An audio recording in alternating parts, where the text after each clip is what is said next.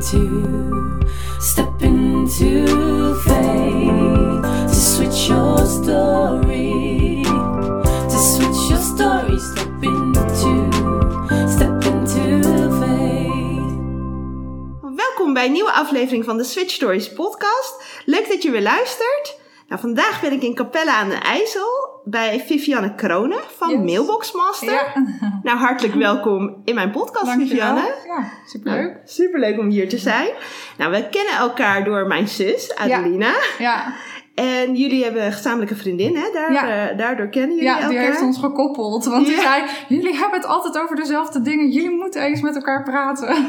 Ja, dat klopte ook helemaal. Dus dat was Superleuk. leuk. Ja. Ja. en dat klikte natuurlijk. ja, zeker. Ja. En nu zijn jullie ja. een soort van business buddies. Ja, hè? business buddies. Ja, Ja. ja. we hebben een gezamenlijke mastermind met eh, toevallig deze week één iemand daaraan toegevoegd. Dus er, zijn nog, eh, er gaat nog één iemand bij komen, maar dat is echt super, super leuk. Ja. Kan je elkaar daarin een beetje upliften, hè? Ja. En, en af en toe gewoon even met, eh met gelijkgestemden sparren en zo. Of als je ergens tegenaan loopt, is echt super fijn. Ja, dus Ja. dat is eigenlijk wat jullie doen in jullie Ja. soort van mastermind. Ja. Dus met elkaar sparren over jullie business. Ja, ja, zeker. Ja. Ja. Ja, en het is leuk als je dan aan de ene kant zeg maar wel een beetje hetzelfde groot denkt. En aan de andere kant dat je eh, ook wel weer allebei anders bent. Ja. Dus dan, want dan vul je elkaar ook weer aan. En dan heb je elkaars blinde vlekken ook makkelijker in de gaten. Dus dat Ja. vind ik wel heel leuk. Ja. Superleuk. Ja. Ja. ik weet van mij uit mijn zus dat hij heel blij is met jou.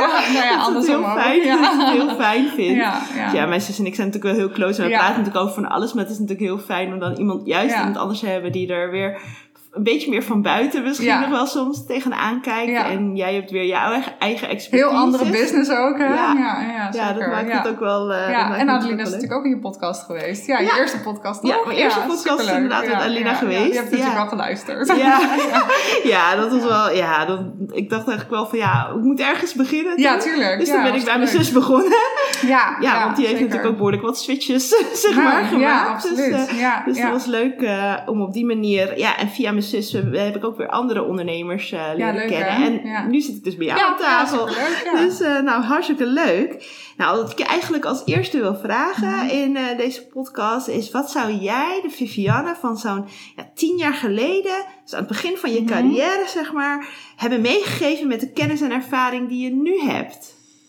Mm, ja, leuke vraag vind ik dat. Ehm, nou, een van de eerste dingen die, en dat zal ik dan ook maar meteen zeggen, want dat is het eerste wat in me opkomt, is eh, eh, ehm, toen was ik nog best onzeker over wat ik allemaal kon. Ik was toen al heel ambitieus en ook heel streverig, dus ik zou, eh, ik zou een aantal dingen in ieder geval sowieso tegen mezelf zeggen, maar in eerste instantie, je kan veel meer dan je denkt en er zit heel veel meer in je dan je op dat moment denkt. En je gaat nog veel meer bereiken dan dat je überhaupt voor mogelijk houdt. Dus dat, ja, dat is wel, ja, dat is wel echt het eerste ding wat in me opkwam. En dat is ook wel echt zo. Er is echt Ja. wel veel veranderd in de afgelopen tien jaar. Ja. En daar ben ik echt heel erg blij mee. Ja, dat is een heel positieve verandering. Niet makkelijk geweest, maar Nee. het is wel, ik ben heel blij met de verandering zoals het nu is gegaan. Hmm. Ja, ja. Kan je daar nou wat meer over vertellen? Misschien Ja. over wie is Vivianne, wat is jouw achtergrond en welke veranderingen heb je dan? eh, Welke switches eh, heb ik gemaakt. jij gemaakt? Ja, zeker. Nou, eh, mijn carrière is ooit begonnen als, eh, als managementassistent. Als kind wist ik eigenlijk nooit wat ik wilde doen in mijn leven. Dus ik, eh, eh, ik heb echt tig beroepentesten gedaan. Ik maakte me er ook heel erg druk over dat ik op een gegeven moment een vakkenpakket moest kiezen. Want nou, stel je voor je kiest economie, economie of je kiest zorg en welzijn. Dan kan je nooit meer, als je economie kiest, kan je nooit meer wat in de zorg doen. Nou, dat is natuurlijk complete bullshit, zeg maar, in het grote mensenleven. Maar nou, toen de tijd dacht ik echt van, oké, als ik nu deze keuze maak, ik maak de verkeerde keuze, dan kan ik nooit meer wat anders in mijn leven. Dus dat vond ik wel heel lastig. En eh, nou, na tegen beroepen testen en ik wist gewoon nog steeds niet wat ik wilde. Toen zeiden mijn ouders van, joh, is de secretaresseopleiding niet wat voor jou? Eh, want je bent altijd heel behulpzaam, heel dienstverlenend. En eh, nou ja, je bent ook best wel eh, in sommige dingen gestructureerd, in sommige dingen ook niet. Maar komt straks wel. Oh, maar dat zagen Ehm, je ouders dus? Ja, ja, precies. Oh. Dus ehm, toen zijn we eigenlijk naar een school gegaan waar ze secretaresseople- secretaresseopleiding gaven. En dat vond ik, ik had daar een heel leuk gesprek met de lerares en daar had ik wel een leuke klik mee. Dus ik dacht, nou, ik zie mezelf hier wel naar school gaan. Dus dat, Ja. toen ben ik van, dat was ook een, een vrij grote switch trouwens, van een, een, een eh, eh, VMBO in een ehm, eh, boerendorp, zeg maar, naar, Ja. eh, naar een MBO-school in Rotterdam. Oh, dat was in in, het centrum. Ja, Ja. ja, op de Koolsingel. Ja. Ja, dus daar. En eh, nou ja, goed, dat was... ehm, Eh, op de Wena was het trouwens. Maar dat, dat was best wel een grote switch in eerste instantie. Ja. Eh, maar er kwamen daarna natuurlijk nog veel grotere switches. Want ehm, ik heb dus eh, in eerste instantie dan de secretaresseopleiding gedaan. Daarna ging ik werken bij, mijn, bij het bedrijf waar ik heel graag stage wilde lopen. Oké. Ik was toen al echt super doelgericht. Het eerste jaar had ik bijvoorbeeld geen, geen enkele onvoldoende gehaald voor mijn, voor mijn examens Nee. in die opleiding. En toen dacht ik, nou weet je wat, dan wil ik dat het hele, op, de hele opleiding wil ik geen enkel onvoldoende halen. Nou, dan ja. leg je de lat natuurlijk mega hoog, voor Hoog. jezelf. Ja. En ik had ook al bedacht dat ik bij Nationaal Nederland een stage wilde lopen, want daarna wilde ik daar een baan. Oh, Nou, en dat, waarom eh, wilde je dat zo graag? Ja, nou, ik vond dat we. Ik zat, mijn school zat dus redelijk eh, in de buurt van dat pand. Dus ook Ja. op de Wena. En ik keek iedere keer als ik dan voorbij fietste, zeg maar. Want ik fietste helemaal van Krimp aan de IJssel naar, naar Rotterdam. Dus het was best wel een, een stukje.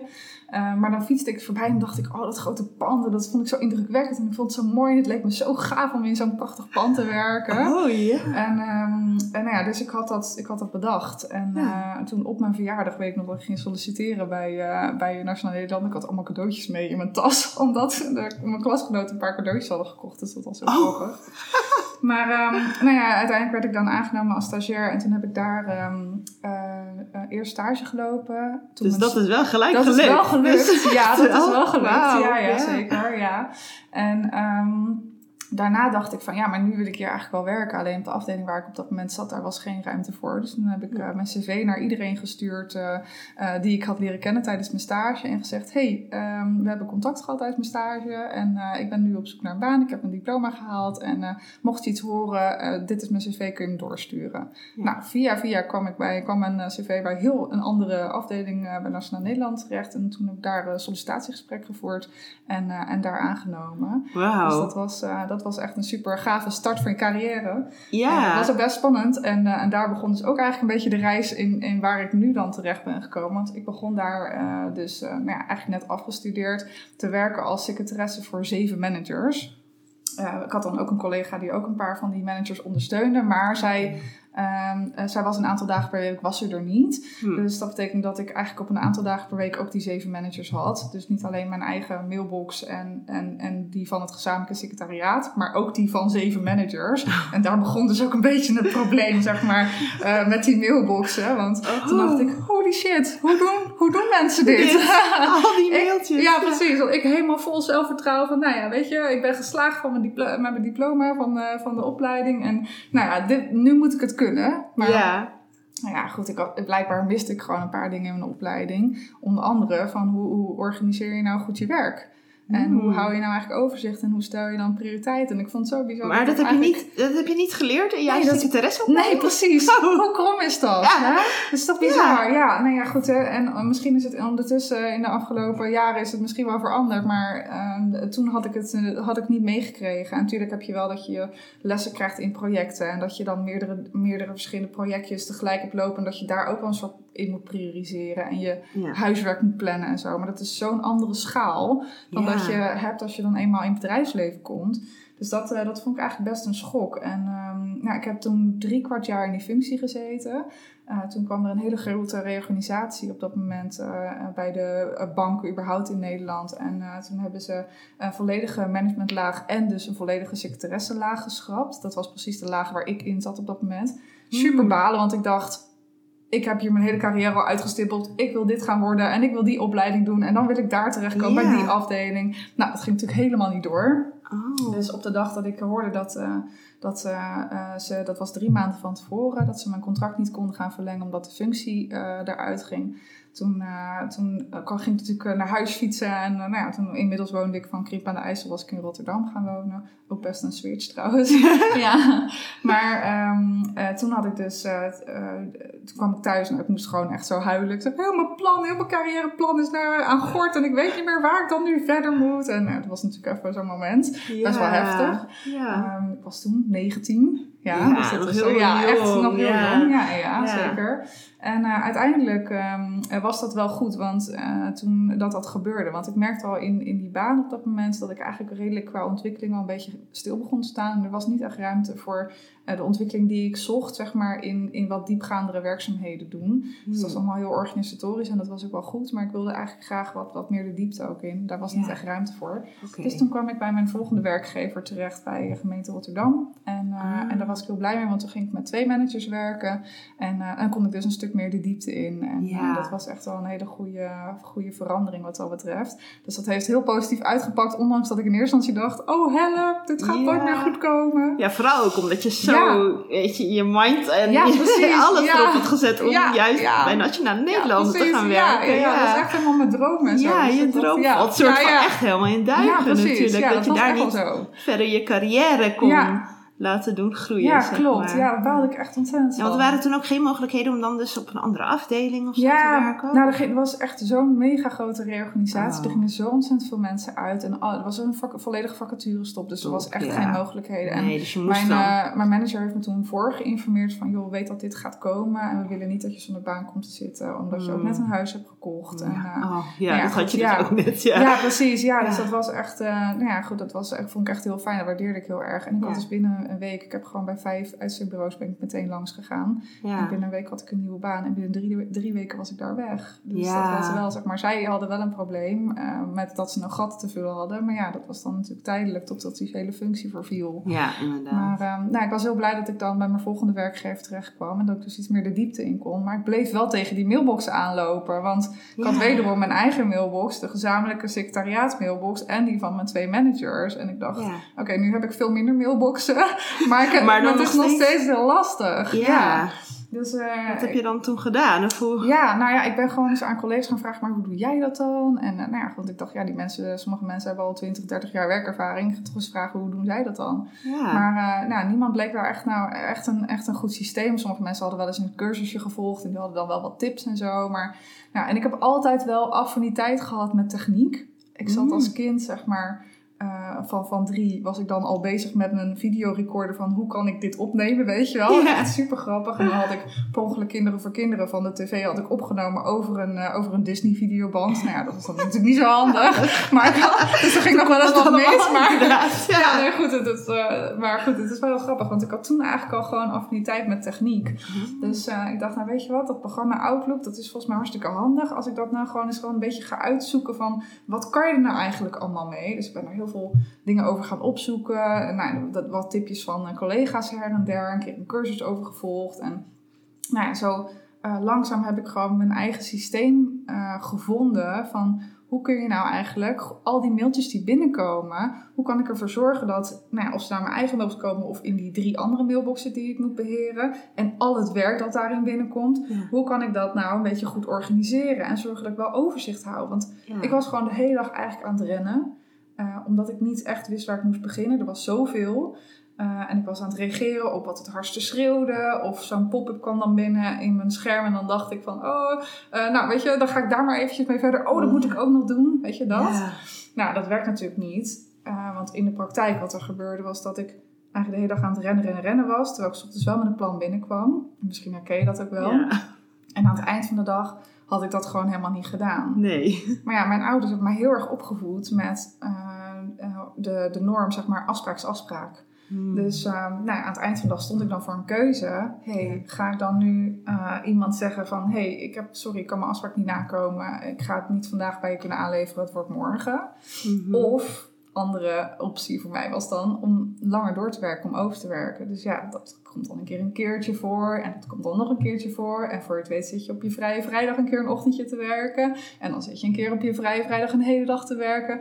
En eh, vervolgens zat ik op mijn eh 22ste, 22, drie- bijna 23 was ik, was ik gewoon eigenlijk, nou ik wil niet zeggen burn-out, maar ik was wel, want ik hou niet zo heel erg van die term. Vaak is het of overspannen of meer, zeg maar, ook een soort depressiviteit. Hmm. Maar ehm, ik was gewoon overwerkt. Ja. Dus eh, ik had zoiets van, holy shit, dit moet gewoon echt anders. Dus ik had er Ja. best wel een paar jaar niet zo'n heel goed systeem in. Nee, je dacht ik- niet je eigen grenzen Nee, eigenlijk. Nee, eh, zeker je niet. helemaal niet. nee, eh, en dat, is, dat blijft, grenzen zeg- is sowieso wel een redelijk thema in mijn leven hoor. Dus Oh, dat ja. is gewoon met, met, met heel veel dingen. Ook zeg maar, nu ik ondernemer ben, is dat ook nog, ja, dan is het nog belangrijker om ook kaders zeg maar te zetten van, want er is niet iemand anders meer die dat voor je doet hè. Nee. Hè, in, een- in een loondienst heb je een, een ka- soort kader van dit is je functie. En daar kun je zelf een beetje aan, aan twisten soms, zeg maar. Bijvoorbeeld van, oh, ik vind dit leuk om dat erbij te doen. Ik vind dat helemaal niet leuk. Kan een collega dat dan doen? Ja. Dus elkaar dat natuurlijk een beetje met elkaar bespreken. Maar er is wel een soort kader. Ja. En ook qua werkuren. Maar als ondernemer heb je dat natuurlijk helemaal niet. En kun je dat volledig zelf bepalen. En is Ja. dat dus meteen ook een van mijn grotere uitdagingen in ja, gewoon ondernemer zijn. Om daar heel goed op te letten en daar een, een grens in te bewaken. Ja. Dus dat is, eh, ja, dat zeker. Ja. Ja, nou ja, en uiteindelijk ben ik dus, eh, toen ik dacht van, oh, dit gaat echt mis.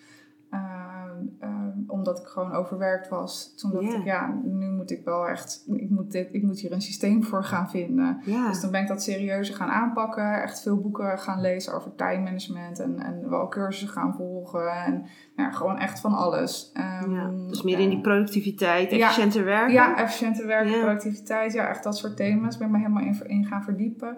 En, eh, en zo stap voor stap mijn systeem gebouwd van, ja, eigenlijk hoe ik nu nog steeds werk. En wat ik dan nu met Mailbox Master leer aan, aan, andere, aan andere mensen. Ja, want vertel eens wat meer over. Want Ja. dat is jouw bedrijf nu, hè? Dus, ja, dus, klopt. eh, ja. dus je hebt uiteindelijk heb je dus, de dus stap gedaan. de stap gemaakt. gemaakt. Dan mag je zo meteen nog even iets meer over vertellen hoe dat is ontstaan. Maar Ja. wat doe je nu met Mailboxmaster? Ja. Zodat dat we daar ook een beetje een beeld van Ja, krijgen. ja, goeie. Ja, ja. Nou, dus eh, met Mailbox Master geef ik dus trainingen, het zit al een beetje in de naam, hè, over mailboxen. Ja. ja, dus eh, meestal als mensen vragen, ja, wat doe je dan precies? Nou, ik geef trainingen over mailboxen. Over wat? Wat?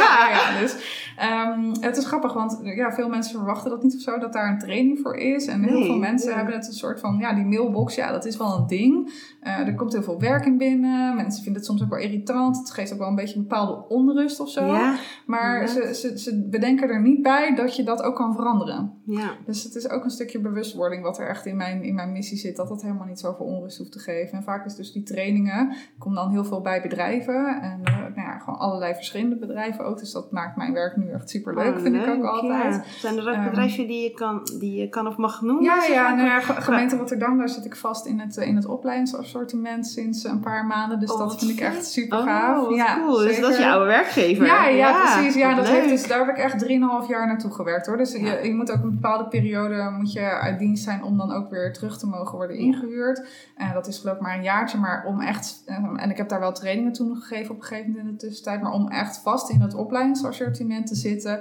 Ja, dat heeft wel gewoon heel veel, eh, hoe zeg je dat, voeten in de aarde gehad. Ja. Ja, en ik vind het super gaaf dat dat nu is gelukt en dat ik daar gewoon heel, eh, regelmatig training kan geven. Oh ja, dus dat geef je nu dan op vaste momenten of Ja, zo, nou ja, één keer ja. zoveel tijd? Ja, precies. Ja, zodra er een training vol is, en dat gaat best wel hard moet ik zeggen, kan ik weer een nieuw plannen. Dus eh, vorige week is de training van januari is, eh, was volgeboekt. Dus nu ga ik morgen ga ik een nieuwe training, bijvoorbeeld voor maart, ga ik dan plannen. Ja, En, inderdaad. eh, ja, superleuk. En ehm, eh, BDO is een van mijn klanten. Hmm. Ehm, eh, RVDB, dat is een grote HR, eh, die, die zorgen eh, voor eh detacheren van, van HR-professionals.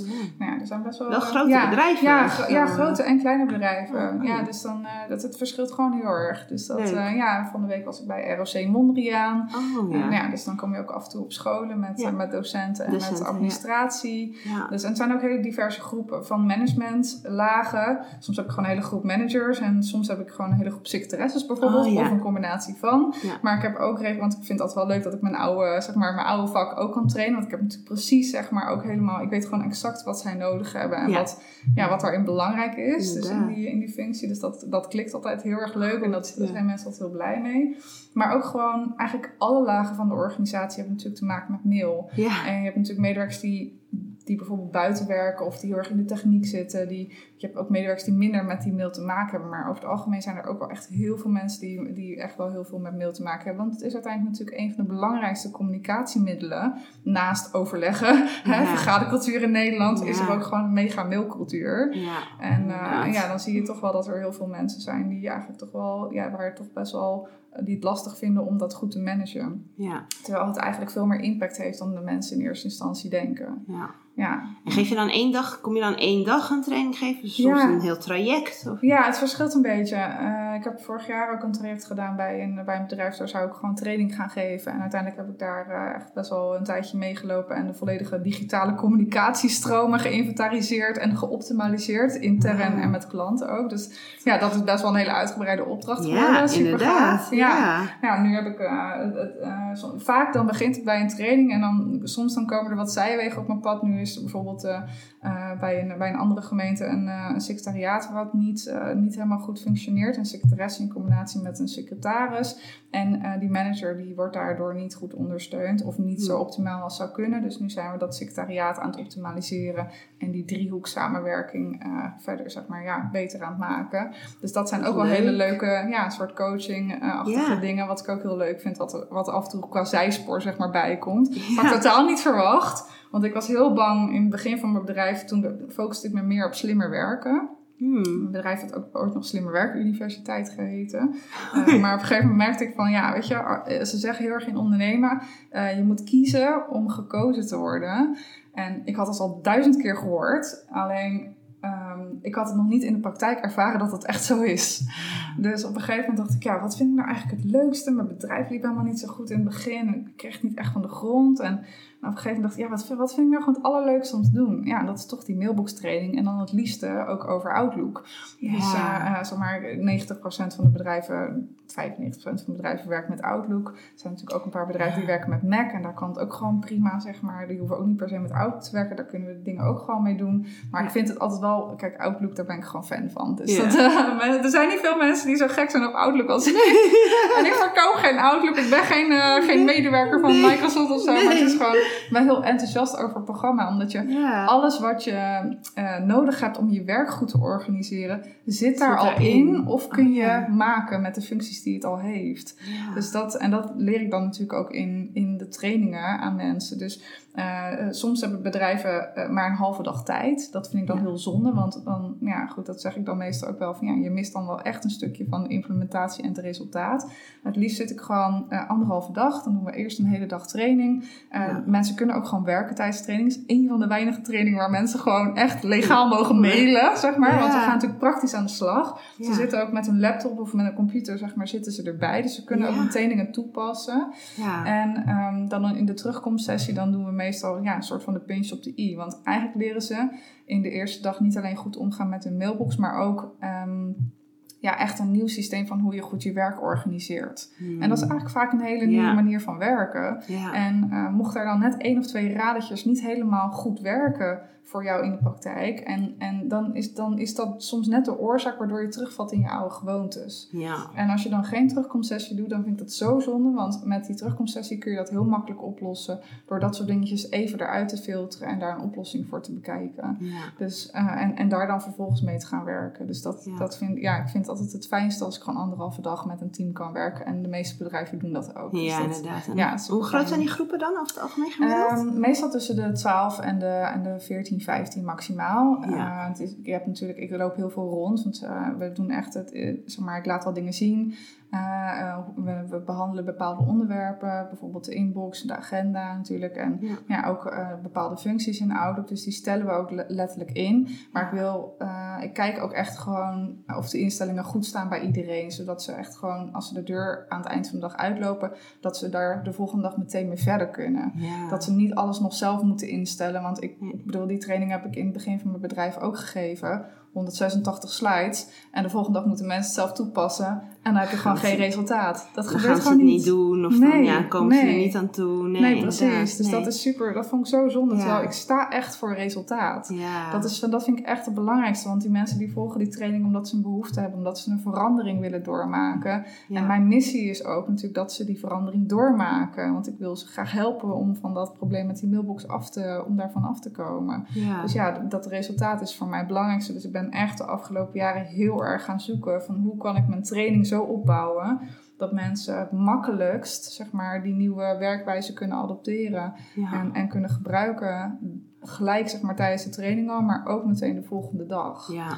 Dus dat, ja, en dat ze daar gewoon mee verder kunnen. Ja, ja, dat vind ik echt, tof. ja, ik heb er echt heel veel passie voor. Ja, ik zie het ook echt aan je. Ja, je straalt dat ook al. echt helemaal uit. Ja. We moeten dat natuurlijk op audio Ja. wel even een beetje omschrijven.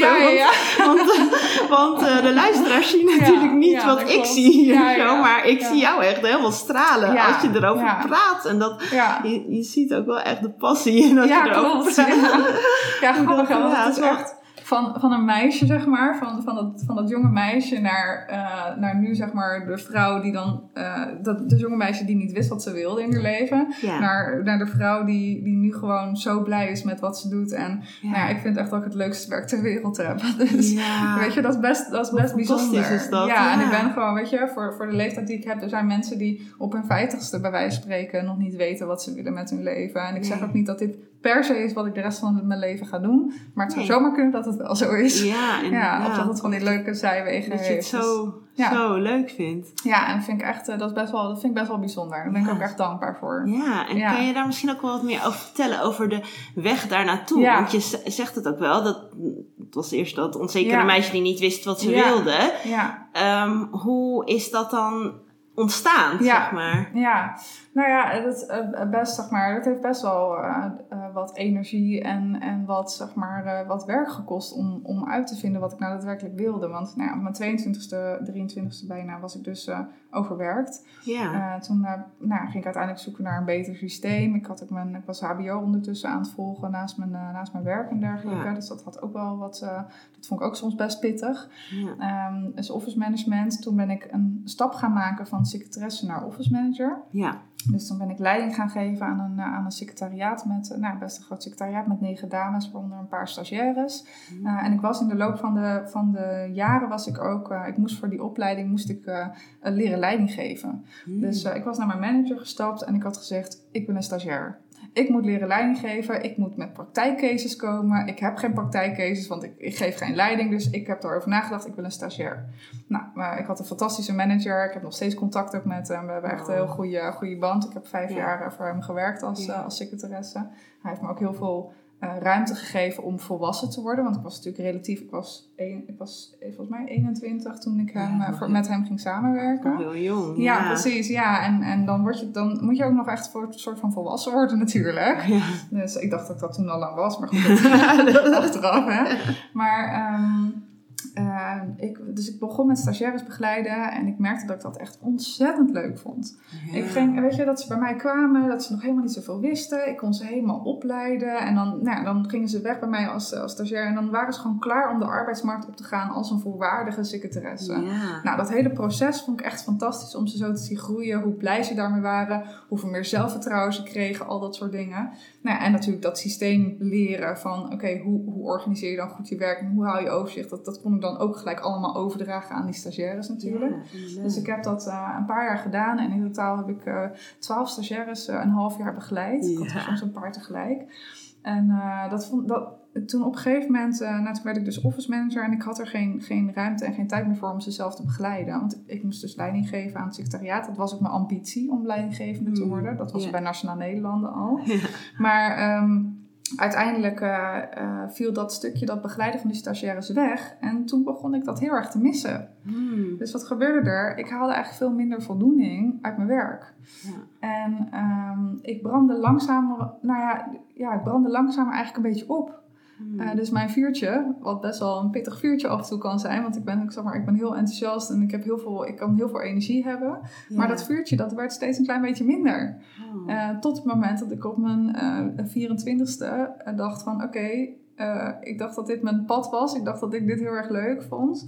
Ik had toen nou, op mijn 25ste had ik een jaar leiding gegeven. En toen dacht ik, oké, dit is het toch niet wat ik dacht dat het eh, zou zijn. Hmm. Dus dat vond ik best wel confronterend. Want Ja. ik dacht dus, nou ja, hè, vanaf best wel, nou ja, vanaf dat ik bij Nationaal Nederlanden kwam en dat pad had bedacht van ik wil naar leidinggevende toe groeien. Nou, dat was ik toen op een gegeven moment toen ik 24 was, tot en met 25. Maar ik, dat vond ik dus niet zo leuk als wat ik dacht dat ik dat zou Nee. vinden. Maar waardoor kwam dat dan? Ja, ja, dat is een goede vraag. Ik, ik, eh, ehm, ik miste die voldoening van dat ik eh, mensen heel intensief dingen kon leren. Hmm. Dus ehm, ik, haal, ik haalde daar, dus ik haalde al die tijd uit mijn secretaressewerk, zeg maar. Ik zorgde ervoor dat die stagiaires mijn volledige werk als secretaresse overnamen. En ik Ja. begeleide hun om dat zo goed mogelijk te doen. Ja. Dus ik deed het werk zelf al een hele tijd niet meer. Ik had het gewoon helemaal uitbesteed aan de stagiaires en ik Ja. begeleide de stagiaires. Dus dat was eigenlijk mijn werk geworden. En toen ik eh leidinggevende werd, dan moet je natuurlijk ook wel gewoon je team begeleiden. En na het eerste periode vond ik dat ook best wel leuk. Maar toen het eenmaal stond, toen had ik zoiets van, oh, oké, ja. nu doet iedereen zijn eigen ding, Ja, zeg nu maar. staat het en nu gaat Ja. het gewoon allemaal goed. En is het een team en, en gaat het communicatief functioneren zo goed en dat soort dingen. ja. Eh, hebben ze dat ook geleerd van hun werk goed organiseren en, en goed samenwerken en zo. En ja, nu. En, en nu. en nu, ja, ja. precies. Ja, dus eh, ik merkte dat ik dat, dat ik- ja, dat vond ik een hele lastige periode. En toen ben ik weer met mijn manager, eh, of de directeur was het toen inmiddels, ben ik het eh, erover gaan hebben. Van ja, ja, ik merk toch dat ik ja, hier niet zo gelukkig in ben als dat ik dacht dat ik zou zijn. Ja. En eh, toen bood de, de werkgever bood een eh, traject aan, dat is Talent op Reis. Dat werd eh, algemeen bij die werkgever werd aangeboden aan al het personeel. Hm. Het was een jaar heel intensief uitvinden van ja, wat vind je nou leuk, waar krijg je energie van. Dat was best wel een intensief traject. En ik dacht, dit is volgens mij precies wat ik nodig heb. Hm. Eh, om ook weer dat vuurtje een beetje aan te pakken. Om te kijken waar, waar sta ik nou van in vuur en vlam, bij wijze van spreken. Waar word ik nou echt blij van? Ehm, dus ik ben daar heel intensief in gestapt. Ik heb Ja, heel veel, eh, heel veel ehm, je krijgt dan heel veel opdrachten. Ook, je kijkt ook meer van, nou, wat vond je nou leuk als kind? Hm. Nou, toen bedacht ik me op een gegeven moment tijdens zo'n oefening dat ik als kind op de basisschool kreeg op een gegeven moment een meisje uit het buitenland die nog niet zo goed Nederlands kon. En dat ik dus in de pauze met haar ging zitten om dan samen een boekje te lezen om haar te helpen om Nederlands, Nederlands te leren. leren. Dan denk ik, holy shit, dat zat er al zo jong in. ja. Maar daar was ik me nooit bewust van. Nee. Dat was ik gewoon helemaal vergeten. Dus ehm, eh, op een gegeven moment viel het kwartje van, oh jee, ik heb gewoon al die tijd heel veel energie gehaald uit die stagiaires begeleiden en opleiden. En ondertussen was ik wel, zeg maar, in mijn werk als leidinggevende liep dat team op een gegeven moment goed. Toen kwamen er steeds meer mensen van, hé, hey, maar kan je mij ook niet eens een keertje leren hoe je dat doet met die mailbox? Dus ondertussen was het wel een beetje gegroeid in die organisatie, Mm. dat ik ook gewoon her en der allemaal mensen een beetje coachte met hun mailbox en zo. Ja. Maar ja, goed, daar was ik me ook niet echt heel erg van bewust. Dat ging gewoon vanzelf. ja, inderdaad. Totdat je dat ineens even uitvergroot door daar echt bij stil te gaan staan. En toen ik dat ingrediënt ontdekte, eh, toen ging ik op vakantie voor het eerst naar Thailand. Dat Mhm. was ook een hele stap. We hadden geen eh, uitgeplande reis. Ik was altijd best wel van dingen voor uitdenken en plannen en zo. Ging je En, alleen? ehm, ik ging samen met, eh, met Verdi. Wij Oh. zijn al, al heel lang zeg maar, samen, al al heel- 15 jaar. 15 jaar zijn jullie Ja, samen, ja. Dus Ja. we gingen samen voor het eerst ver weg. vriend, ja. Ja, inderdaad, en tijdens die vakantie had ik ook eh, nou ja, iemand ontmoet in het vliegtuig. Daar hebben we nog een paar dagen ook eh, een tijdje mee samengereisd. Dus nu nog een hele goede vriendin van, van ons. Dus dat is wel heel bijzonder. Eh, maar ik had met haar ook nog hele leuke gesprekken over dat talent op reis verhaal. Wat ik in de tussentijd een beetje had ontdekt en zo. En in die vakantie, omdat je dan nog meer afstand neemt, vielen er nog meer kwartjes. En wat er toen gebeurde, nou, dat hou je eigenlijk niet voor mogelijk. Ehm, via via was er, eh, had iemand bij de Belastingdienst ten oren gekregen dat ik wel eens mensen hielp met hun mailbox. En nu had ik dus van hun de vraag gekregen: wil jij bij ons voor onze 20 accountants een training komen geven over de mailbox?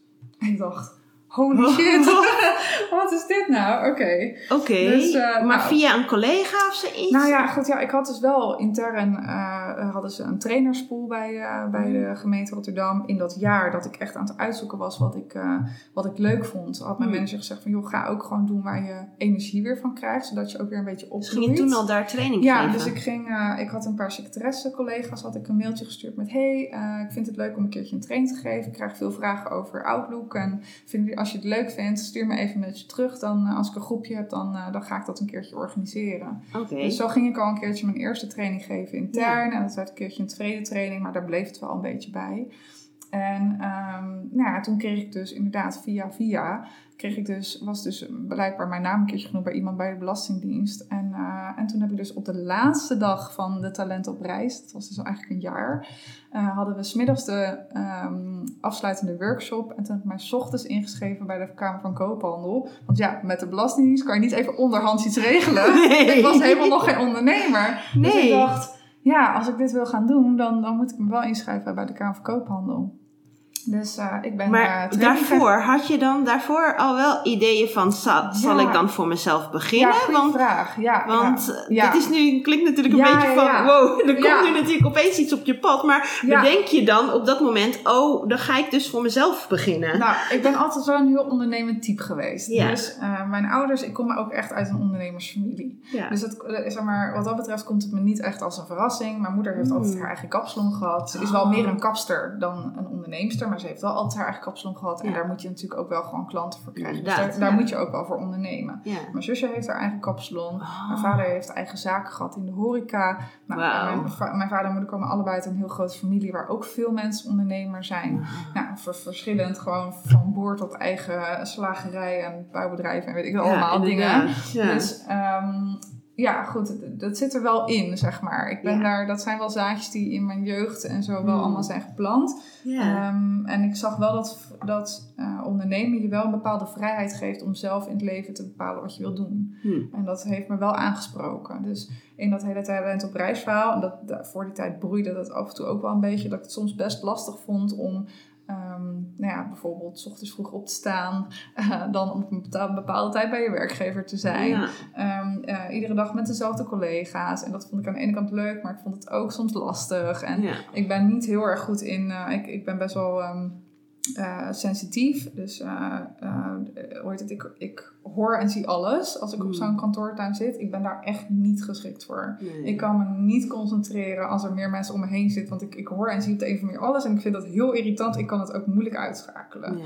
Dus eh, in de loop van de, van, de, van de jaren had ik wel af en toe al bedacht van... Oh, ik wil eigenlijk wel wat ondernemen. Ik wil wat meer eh, verdienen ook. Dus misschien Mm. kan ik er wat naast gaan doen. Ja. Dat soort dingen. Dus de, ja, het- Dus toen kwam dit op je pad. ja, dus toen en dacht toen, je, toen dacht ik meteen van ja, dan moet ik het gewoon gaan doen. doen. Dat was Ah, eigenlijk ja. gewoon een soort van de druppel. Ja. Ja, het was eigenlijk de druppel. En toen dacht ik, ik ga me inschrijven, ik ga die training Maar je had het al wel tijdens die vakantie in Thailand dan al wel een beetje bedacht? Van? Ja, nou ja, goed. Het, het, ik denk, zeg maar, het is goed dat je het vraagt, want ik ben er dan nu al niet meer zo heel bewust van, omdat het alweer even geleden is. Ja. Maar al die tijd, eh, als ik er nu aan terugdenk, dan heeft het wel een tijd gekriebeld om iets te doen met ondernemen. Want ik heb een st- stapje overgeslagen, bedenk ik me nu. Als het gaat over ondernemen, eh, heb ik ooit nog, mijn vader heeft een tijdje Herbalife eh, verkocht. Mhm. De afslankproducten en Mhm. nou voedingsmiddelen voor je gezondheid. En ik ging nog regelmatig met hem mee naar een seminar. Ik was, Mhm. ik was, een, ik was 19 toen ik voor het he- eerst met hem meeging naar een seminar. Ja. Helemaal fantastisch. Volgens mij was ik jonger. Volgens mij was ik 16. Ja, ik was echt nog, echt nog heel jong. Goed. ja. Ehm, eh, en dan, dan krijg je al een beetje dat ondernemers, die ondernemerspirit mee. Ik vond die vibe heel leuk. Al die ondernemers bij elkaar, al die mensen die met die positieve energie en dat soort dingen. En, en, en ook allemaal doelen en zo. Dat, dat doelgerichte kwam daar denk ik ook wel een beetje vandaan. Ja. Wat Ja. het is natuurlijk al, eh, wat er al in zat bij mij. En ik, toen heb ik dus een tijdje, heb ik ook nog niet, eh, niet Herbalife, maar ik heb, ben ooit in multilevel marketing een keer gestapt. En Ah. heb daar ook iets met gezondheidsproducten in gedaan. Ik kreeg dat ook niet echt van de grond. Ik was ook gewoon nog niet echt een hele goede ondernemer, dat weet ik dan nu. Ja. Maar ehm, ja, eh, eh, er- hebben dus wel wat stapjes nog voor gezeten voordat ik uiteindelijk besloot om, om een, eh, echt trainingen te gaan geven en, en, en, en daar een bedrijf voor op te richten. Ja. Dus ik had al wel een beetje dingen geproefd van ondernemen, maar dat deed ik dus gewoon naast mijn werk. Ja. Alleen ja, daarmee had ik het dus ook wel heel erg druk. Ja. Ja, dus want, en dan een studie en dan eh, je, je, eh, je werk en dan op een gegeven moment een stap maken naar leidinggevende en dat dan allemaal leren. Ja. Eh, en, dat, en dat brengt ook uitdagingen met zich mee als je de jongste bent van het team. van, van, met een aantal andere secretaresses die eigenlijk ook wel leidinggevende hadden willen worden. En al veel langer bij die werkgever werken en meer ervaring hebben. Hm. Dus ja, dat was best wel pittig. Ja. Maar ja, uiteindelijk is dat wel helemaal goed gekomen. En, en nou ja, tegelijkertijd was ik dus ook wel een beetje in mijn privé-tijd wel een beetje dingetjes aan het ondernemen. Nemen. Ja, Alleen grappig genoeg eh, zag ik dat meer als gewoon mensen helpen met hun gezondheid. Ja. Dat was mijn, dat was toen wel ik. Maar ik heb altijd wel een ding met gezonde voeding en zo. Ik Mm. heb best wel een gevoelig lijf, dus ik ben ook altijd bezig met voeding. Maar ehm, ja, dus daar, daar is dat wel een beetje begonnen. Dat vond ik wel heel leuk. Maar Oké. ik had toen nog niet het idee dat ik ooit fulltime ondernemer of zo zou gaan worden. Nee. Maar misschien wel, zeg maar, maar dan heel veel later pas in mijn leven, weet je wel. Gewoon als je, wat, als je oud bent. Dan, Als je uit bent. ja, dan heb je veel levenservaring en dan kan je gaan ondernemen. Oh ja. Ja, maar dat... Zo zag je dat toen, ja, zeg ja, maar. ja, precies. Maar ja, ja. toen kwam dus die belastingdienst dus op je pad. En klopt. toen had je dus besloten, want dat was het einde van dat Ja. talent op reis Ja. traject. Ja, klopt. Ja, ik kon Dat was dan met een jaar- vertellen ik heb me ingeschreven als eh, Ja, ondernemer. toen heb je dus ingeschreven. En ben je toen gelijk gaan? Of werkte je toen ook nog steeds voor gemeente Rotterdam? Nee, ik werkte nog steeds bij gemeente Rotterdam. Eh, ik heb die ene opdracht gedaan. Ik dacht Ja. eerst maar eens even kijken hoe dat, eh, hoe dat Inderdaad, gaat. want ja, daar ja, je er misschien ook best niet wel doorheen gebluft, moet ik Ja, zeggen. opdracht misschien ook niet gelijk nee, je nee, nee, precies. Nee, nee, zeker niet. Nee, dat, eh, dus dat heb ik er toen gewoon eh, ja, naast gedaan. En ehm, eh, op een gegeven moment dacht ik wel van ja, ik, ik moet hier gewoon een gesprek over aangaan. Ik wil iets anders eh, kijken of ik eh, mezelf nog kan ontwikkelen als trainer binnen het bedrijf. Mijn, eh, mijn directeur, waar ik dus al best wel lang mee samenwerkte, in eerste instantie dan als secretaresse en later dus ook als leidinggevende, was, had ik ook nog veel met hem te maken. Ja. Ja, die, die baalde ervan. Hij zei, ik wist wel dat je snel groeide, maar ik had niet door dat je zo hard groeide. Dus, eh, maar daar was hij zelf, eh, zeg maar, bijdrager aan. Want hij Ja. heeft me gewoon heel erg geholpen om me ook te ontwikkelen en Ja, me die kansen gegeven. Ja. Dus daar ben ik heel dankbaar voor. Super fijn, ja. Ja, zeker. En nou ja, to- toen heb ik uiteindelijk met hem het gesprek aangegaan. Vond ik echt rete spannend. En gezegd van ja, ik wil iets anders gaan doen. En ik zou het heel leuk vinden als dat bij deze werkgever nog kan, bij jullie. Eh, dat zou ik te gek vinden, maar kan dat niet, dan ga ik buiten de deur kijken. Hm. En eh, nou ja, hij wilde mij heel graag nog in de buurt houden. Eh, hij zei van ja, ik zie ook wel echt gewoon dat jij, dat jij ook dat je kan trainen en dat je mensen daarmee kan helpen. Ik hoorde enthousiaste verhalen van andere secretarescollega's in hoe je dat aanpakt. En ook gewoon überhaupt zeg maar andere collega's die je dan helpt. Ja. Ehm, dus ik ga eens kijken wat hier dan misschien nog aan idee op de plank ligt. En toen lag er dus bij het servicepunt van... Ik werkte altijd al bij een ICT-afdeling. Bij een servicepunt lag er een idee op de plank om eh, collega's te trainen... om beter te eh, leren werken met de ehm, pro- computerprogramma's die we hadden in huis. Hm. Eh, op een gegeven moment kregen we bijvoorbeeld ook een nieuwe, in plaats van telefoons op de, op de werkplek, kregen we een mobiele app waar mensen mee moesten gaan werken. Dus de telefoons op de werkplek die verdwijnen Hm. en verdwenen. En ze moesten met een mobiele app moesten ze gaan bellen vanaf dat moment. Maar er werd niet echt uitleg gegeven over hoe dat goed werkte. Ah. Nou, dat bedrijf heeft meer dan 10.000 medewerkers. Dus ehm, eh, veel mensen in paniek van, "Eh, maar hoe werkt dit dan? Dus Ja. ik ben eigenlijk soort van in dat gat gesprongen van dat daar geen training over werd gegeven. Dus ik ben daar training over gaan geven binnen, eh, binnen hetzelfde bedrijf. Ja. Ja, in, in principe zelfs nog binnen dezelfde afdeling, in een andere subafdeling. Ja. En toen heb ik gezegd, oké, dan ga ik drie dagen per week ga ik dat doen. En dan ga ik twee dagen per week ga ik mijn eigen bedrijf Ah. opstarten. Ja, Het eigenlijk een beetje een soort van geleidelijk. ja dan, eh, half-half. Ja. Oh, ja, ja, in eerste instantie geleidelijk. Want ik Ja. dacht, eh, en, en dit is nu alweer best wel lang geleden, maar ik dacht, ik dacht toen echt van, dan ga ik drie dagen per week ga ik gewoon hier werken. Ja. En dan twee dagen per week, dan heet het, kan ik lekker ervaring, zeg maar, in die drie dagen per week ervaring opdoen. Ja. En dan vlieguren maken als trainer. En dan twee dagen per week ga ik mijn eigen bedrijf opzetten. Ja, in het geven van trainingen in die Ja, mailboxen. Ja, precies. Ja, en eh, het, het hele idee, zeg maar, eh, was, eh, was fantastisch. Alleen de uitvoering was minder fantastisch. Waarom? Want ehm, ik, ik merkte in die drie dagen eh, dat ik daar zoveel... Ik kan, ik kan me niet zo goed niet 100% inzetten. Hmm. Dus ik ging daar volledig voor. Ik zette me daar volledig voor in. Ik wilde natuurlijk heel graag een goede trainer worden. Ja, en ik, ik, ik ontwikkelde me daar, zeg maar. Ik, ik, persoonlijke ontwikkeling is altijd al een hobby van mij geweest. Ik vind het echt nou, ja, al heel, heel lang heel leuk. Ja. Dus ik ging ook allemaal boeken lezen over hoe kan je nou een goede trainer worden. Eh, maar ehm, ik gaf daar zoveel energie. eh, dat ik eigenlijk op die andere twee dagen dat ik voor mijn eigen bedrijf zou werken, helemaal leeg was. Hmm. Dus ik, eh, en, en, en er zat dus blijkbaar ook daar wel een energielek, om maar even zo te zeggen. Ik liep Ja. daar ook op bepaalde eh, momenten leeg. En dat had ook een beetje te maken dat mijn ambitie en mijn ideeën waren groter dan dat er plaats voor was in de, in de organisatie. Hmm. Dus eh, dat ging supergoed. Het sloeg heel erg aan het concept dat we daar toen hebben opgezet. Ehm, het was zo goed dat ik het eigenlijk niet in mijn eentje allemaal meer aankon. Dus ik werkte en daar best wel veel eh, en hard. Eh, en tegelijkertijd werd mijn groei geremd. Door, Hmm. Kon ja. je niet andere mensen eh, dan ook... Ja, nee, er was eigenlijk geen ruimte eigenlijk voor om dan en ook jou te helpen? Nee, er was geen budget. ruimte en geen budget voor. Ja. Eigenlijk was ik überhaupt al een beetje een vreemde vogel wat dat betreft. Ja. Zeg maar, dat, dat ik die kans kreeg en dat, eh, dat ik dat mocht doen en dat Ja. soort dingen. Dus dat, dat was al heel bijzonder eigenlijk. Ja. Ehm, maar ik, ik liep daar dus wel eh, op leeg. Dat, Ja. ik, dat mijn ideeën waren groter dan ik, dan ik eh, ja. dan- Dus wat heb je toen gedaan? toen heb ik op een gegeven moment, we zijn verhuisd van Rotterdam Centrum naar, naar Capelle aan de IJssel. Eh, we hebben een ander huis gekocht en zodra ik dat huis heb gekocht, toen heb ik mijn baan opgezegd. Oh, Ja, wauw. ja want ik wilde zo, ik voelde gewoon, dit gaat niet werken. Ik sta met één been in het ene, ik geef daar 100%. Daardoor kan ik niet mijn eigen bedrijf laten groeien en krijg ik het niet van de grond. Want ik kreeg het ook echt niet van de grond. Het, ik Ja. zeg maar, je zou denken, het ideaal, ideaal gezien was natuurlijk, je gaat drie dagen per week werken. Je zet twee dagen per week, zet je je eigen bedrijf op. Ja. En vervolgens loopt Als dat loopt, ja, dan, ga, je, weg. ga je die drie dagen Ja. of mindere. Of dan, Precies. ja, inderdaad. En dan nou. ga je op een gegeven moment weg. Ja. Ja. dat idee is heel leuk. Ja. Maar in de, pra- in de praktijk Kijk, werkte dat werkte dus dat niet. dus niet. Oké, maar hoe, Nee. was dat, hoe is dat dan voor jou geweest? Want je koopt dus een nieuw huis. Ja, Dus ja. je hebt eh, verantwoordelijkheid voor een hypotheek. Ja, klopt. Ja.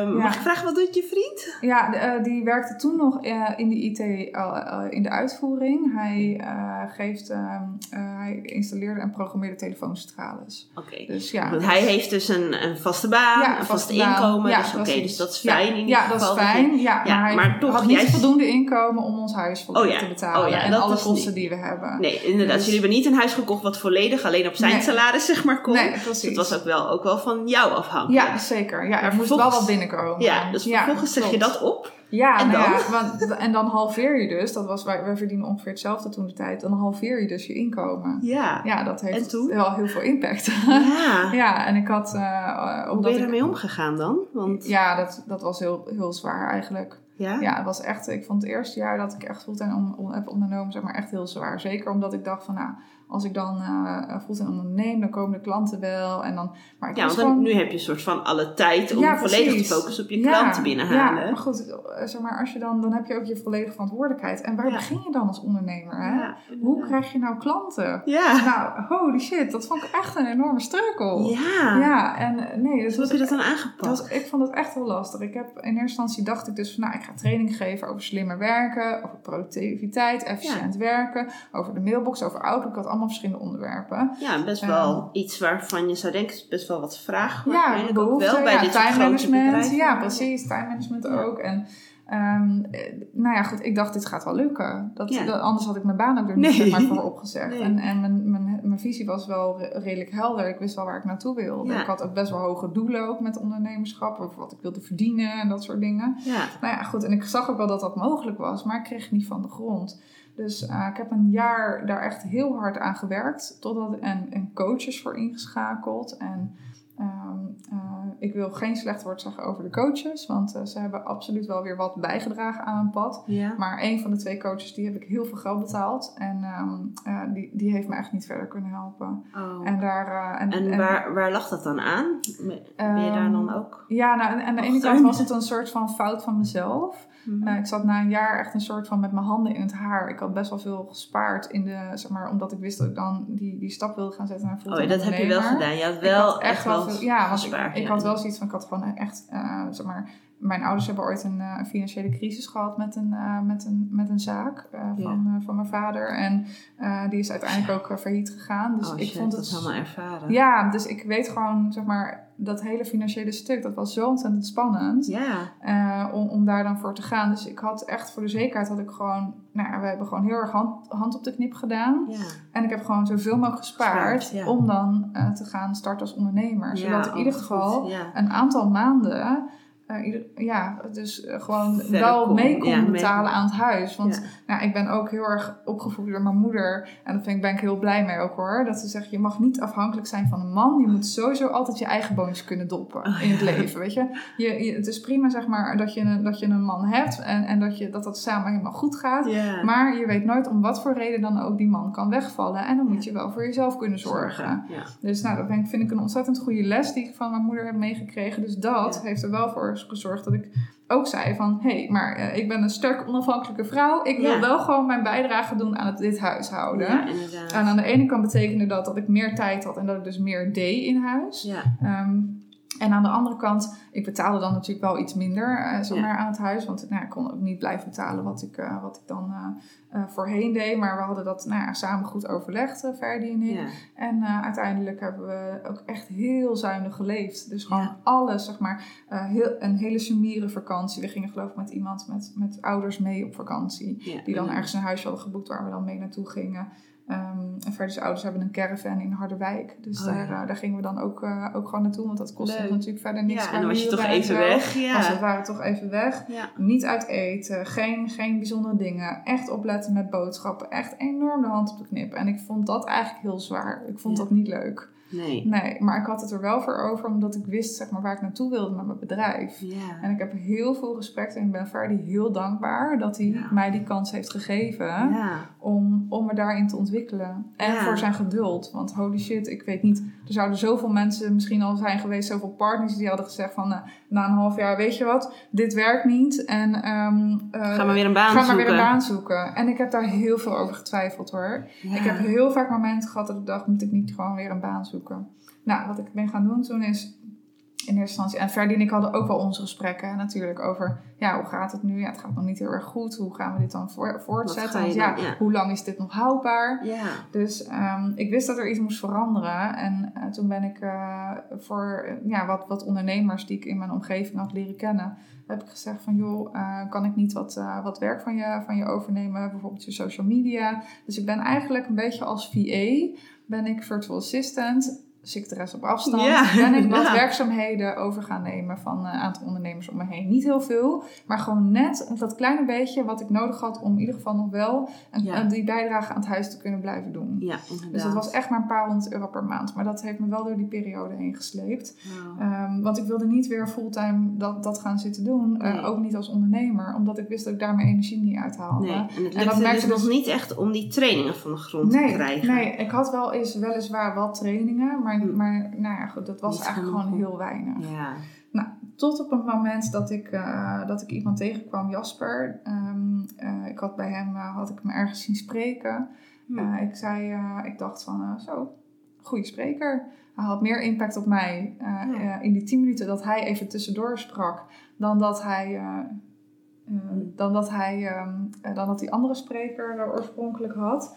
Dus ik dacht van, ik ga gewoon naar hem toe. En Ja. ik had zoiets, wie ben jij, wat doe je? En wat jij doet wil ik ook leren. ja. Dus eh, ik dacht, ik ga hem eens opzoeken. Eh, ik heb hem bedankt toen voor, voor wat hij daar heeft gedaan. Ik eh, zei, ik ga eens opzoeken, kom een keertje een training bij je volgen. ja. En ehm, dat heb ik gedaan. Ik ben naar hem toe gegaan. Ik heb een keer een training bij hem gevolgd. Ik heb toen ook eigenlijk mijn dilemma besproken. Van, joh, ik heb nu een aantal coaches gehad.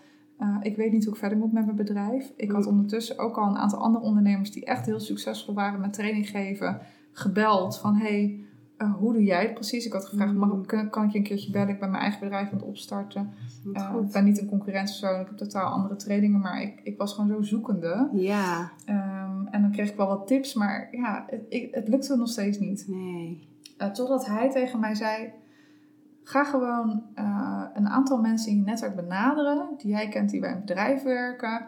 En zeg gewoon: Ik eh, moet een training voorbereiden voor een eh, grote klant. Het is een nieuwe training en die wil ik graag uittesten. Ga gewoon bij vijf bedrijven gratis training geven. Nou, dat was echt de tip van de eeuw, want dat is uiteindelijk de vliegende start geweest van wel een bedrijf waar ik inkomen kreeg. Ja. Dus, ehm, Want zo heb je, dus je hebt het eerst gratis, zeg maar, gedaan. ja, ik heb, Daardoor eh, heb je ervaring opgedaan. Ja, ik ben bij vijf bedrijven ben ik langs geweest. Ik Ja. heb inderdaad mijn netwerk benaderd.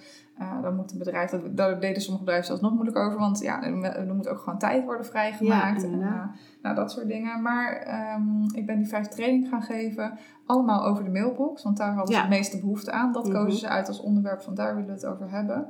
Ehm, en mijn training werd daardoor beter. Ik deed meer ervaring op.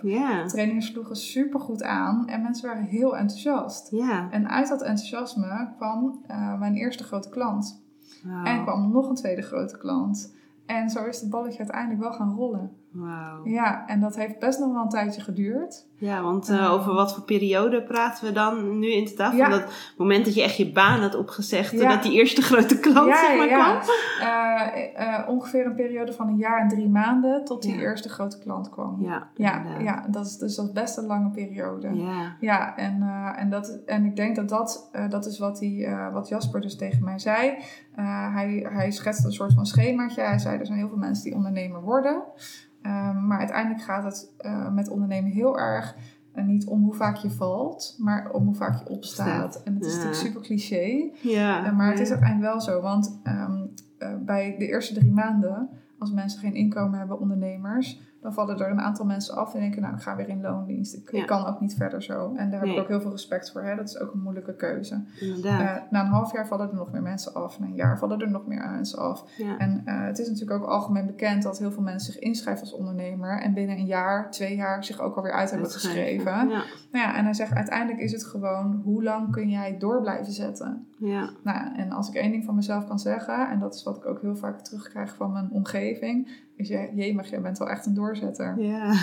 Ja, dus Ja, eh, ik, ben, ik geef op. Nee, ik heb je een droom. Ja. Ja. ik heb een visie en een missie en die is alleen maar helderder geworden de afgelopen jaren. Ja, zo Ehm, mooi. dus ja. ik ben gewoon ontzettend blij met, met wat ik nu doe. En, het is, en ik vind het nog steeds niet altijd makkelijk ondernemen. Want wat ik net al zei, het is echt wel eh, je moet zo ontzettend veel keuzes maken. En eh, je moet zo ontzettend veel kunnen als ondernemer. Zoveel skills om te ontwikkelen. Hoe maak je keuzes? Want inderdaad, keuzes maken is natuurlijk iets wat echt wel... Ja. Wat heel veel mensen denk ik ook echt lastig vinden. Ik denk ook wel dat er best wel wat mensen zijn die wellicht deze podcast luisteren. Ehm, eh, die wellicht twijfelen over een switch. Dat die het ook, dat die Ja. juist het moeilijk vinden om keuzes te maken. Mhm. Hoe maak jij jouw keuzes? Dat is natuurlijk eigenlijk iets wat redelijk onbewust gaat. dus ik zit daar Ja, even over na te dat- denken ja. van... eh, hoe doe ik dat dan precies? Eh, ehm, eh, ten eerste moet ik erover zeggen dat ik er niet super goed in ben. Ik kan soms best wel lang twijfelen over bepaalde keuzes. ehm, eh, over grote keuzes. Eigenlijk met name keuzes die gaan over geld. Oh, Daar ja? kan ik langer over twijfelen. Hmm. Dus eh, om er ergens in te investeren of dat soort dingen. En aan de andere kant heb ik natuurlijk een keuze gemaakt om te gaan voor ondernemerschap en om, ja, gewoon om die droom die ik heb, dat, dat, die visie, om daarvoor Ja. te gaan. En dat was dan daarentegen weer een hele makkelijke keuze. Want dat is gewoon ja. waar mijn hart naar uitgaat. Ja. En, en dan ga je dat volgen. ja, dus is het dan toch wel een stukje intuïtie eigenlijk dan gewoon volgen? Ja, zeker. Ja, en ik, eh, ik ben dat steeds meer aan het ontwikkelen. Ik heb ook een periode gehad dat ik heel rationeel aan het ondernemen was. Uiteindelijk merk ik, zeg maar, het is goed om veel kennis te hebben. Ik weet dat veel ondernemers in het begin ook, en dat heb ik zelf ook gedaan, heel veel trainingen volgen. Ja. Ook bij andere ondernemers. Ik denk dat dat ook goed is, dat je Ja. jezelf ontwikkelt. Ehm, maar eh, er is een uh, Ilko de Boer, ook een, een redelijk bekende in de ondernemerswereld, een redelijk bekende ehm, eh, Zeker ondernemer. ja, ja. een van de grootste online ondernemers denk Ja, ik inderdaad wel die zeker. Nederland heeft. Ja. Ja, zeker. Nou, hij is dus een van de ondernemers waarvan mijn vader op mijn negentiende zei van deze, dit is een slimme man, die moet je gaan volgen. Oh, Ik heb altijd je op- vader? Ja, je ja, via mijn vader. Ja, daar ben ik Oh. heel blij mee. Want we zijn dus ook samen, toen ik nog zo jong was, naar een van zijn seminars geweest. Dat was voor Ilko de, een van de eerdere seminars, maar voor mij ook. Dus ik Ja. ken hem inmiddels ook al een tijdje. Ik heb Ja. nog een tijdje vorig jaar Je- met hem samengewerkt. met Oh, ja, je kent hem ook echt een Ja, ja, ja. ja. Dus, eh, nee, dus dat is hartstikke leuk. En ik heb hem ook Heb je bedankt voor- trainingen voor hem gegeven? Of Eh, ja, voor zijn, eh, voor zijn programma. Voor zijn programma's, Ja, ja, voor zijn inderdaad. programma. Ja, ja, ja, inderdaad. Ook aan ondernemers dan Ja. eh, over productiviteit. En de Ja. valkuilen die je hebt als ondernemer over productiviteit. Ja. En ehm, ja, uiteindelijk, eh, dus dat rationeel ondernemen, dat is goed. En jezelf ontwikkelen, dat, dat zit natuurlijk ook heel vaak heel erg in je hoofd. Maar er komt natuurlijk ook, uiteindelijk ook wel eh, een gevoel bij kijken. En Ja. eh, je intuïtie, ik, ik geloof echt dat je kunt dus met je rationele brein en, en, en zeg maar met je bewustzijn keuzes maken. Maar ehm, je bewustzijn heeft, is, heeft natuurlijk, in ieder geval dat is hoe ik het zie hoor. Ik heb, ik heb ook een NLP-opleiding eh, gedaan bij Jasper dan, want die Oh. gaf dus NLP-trainingen. Leuk. Super interessant. Ik Ja. hou echt gewoon van, eh, van nou ja, dingen die rondom het brein, van hoe werkt dat dan Super allemaal. interessant. Ja, ik ga dus ook een opleiding Ja, doen. oh, echt? Ja, in Oh, maart wat ga ik een. NLP-opleiding Oh, doen. Ja, ja. Ja, waar ga je dat doen? Eh, bij het NLP-instituut in Oh Amsterdam. ja, ja, Dus, ja, dat ik ben heel inderdaad. benieuwd. Oh ja. ja, super gaaf. Ja, Ja. ik heb er echt ontzettend veel uitgehaald. Ja. Het, was, eh, het was ook wel een hele, zeg maar, de, de, je hebt in NLP-land heb je best wel veel eh, verschillen. Zeg maar, er zitten, je hebt hele zweverige eh, soort dingen, daar hou ik dan niet zo van. Eh, Nee. Ik was meer van de, van de praktische NLP, dus juist echt op professioneel gebied. Ja, eh, daarentegen heb ik dus ook wel gemerkt dat het, dat, dat gevoelstuk, je intuïtie, is gewoon zo ontzettend belangrijk in Ja. keuzes maken. Want je, met je, het rationele stukje, hè, dat bewustzijn, daar overzie je een aantal dingen. Ja. Maar je intuïtie is eigenlijk gewoon je onderbewustzijn. En die neemt gewoon alles wat je in je, in je leven al hebt gezien, hebt meegemaakt, hebt geleerd, hebt gelezen, eh, gehoord, et cetera. Dat neem je mee. ja. En dat is uiteindelijk wat je, waar je intuïtie, zeg maar, je, je, ehm, ja, je, je een gevoel bij geeft. Mhm. En eh, ik ben me nu, zeg maar, in twee jaar geleden had ik het leer, zeg maar, ik heb ieder jaar een thema. Ja, En uh, 2000, eh, eh, wat is het dan? 2018, 18. ja. Ja. precies. Ja, ik zit even Ja, we leven al in Ja, 2020 ja, ja, natuurlijk. ik even- wat jaar. Ja. Ik zit net natuurlijk in 2020. Dus in 2018 was inderdaad mijn, mijn thema eh, meer mijn intuïtie volgen. Oh, En ja. ik zie dus ook, als ik terugkijk naar hoe mijn bedrijf is ontwikkeld, dat vanaf dat moment heb ik gekozen om echt volledig te gaan voor de mailbox trainingen. Ja. Eh, om te stoppen met Slimmer Werken Universiteit en over te gaan naar viviannekronen.nl. Hmm. Eh, vanuit viviannekronen.nl heb ik op een gegeven moment de keuze gemaakt, eind 2018, om Mailbox Master eh, op te starten. Want Ja. die naam kwam, kwam tot me. Ja. En toen dacht ik, hij kwam ineens in mijn hoofd. Hij bleef hangen. Ik was al heel tijd op zoek naar een andere naam voor mijn bedrijf. Ik wist Ja. niet welke naam. Hmm. Nou ja, en toen bleef die hangen. Toen dacht ik, ja, dit moet hem zijn. Ja. Weet je, getest in mijn omgeving. Mensen reageerden er leuk op. Leuk op. Is niet altijd goed om te doen hoor. Testen in je omgeving. Je Nee. dan moet je wel de juiste omgeving hebben. Ja, Ja, inderdaad. precies. Maar die had ik inmiddels gecreëerd. Ik heb echt wel afscheid genomen van mensen waar ik geen... Oh ja? Waarvan ik merkte van... Ja, dat, dat, dat merk je wel als ondernemer. Je ontwikkelt Mm. je heel snel. Je moet Ja. alles leren. Wat ik net al zei. Je moet ontzettend veel, veel skills hebben als ondernemer. Van eh, hoe kom je aan klanten, verkopen. Maar hoe communiceer je? Hoe ben je productief? Ja. Hoe zorg je uitstelgedrag? Ik heb echt het begin van, de, van mijn ondernemerschap enorm last gehad van uitstelgedrag. Ja. Puur uit onzekerheid en perfectionisme.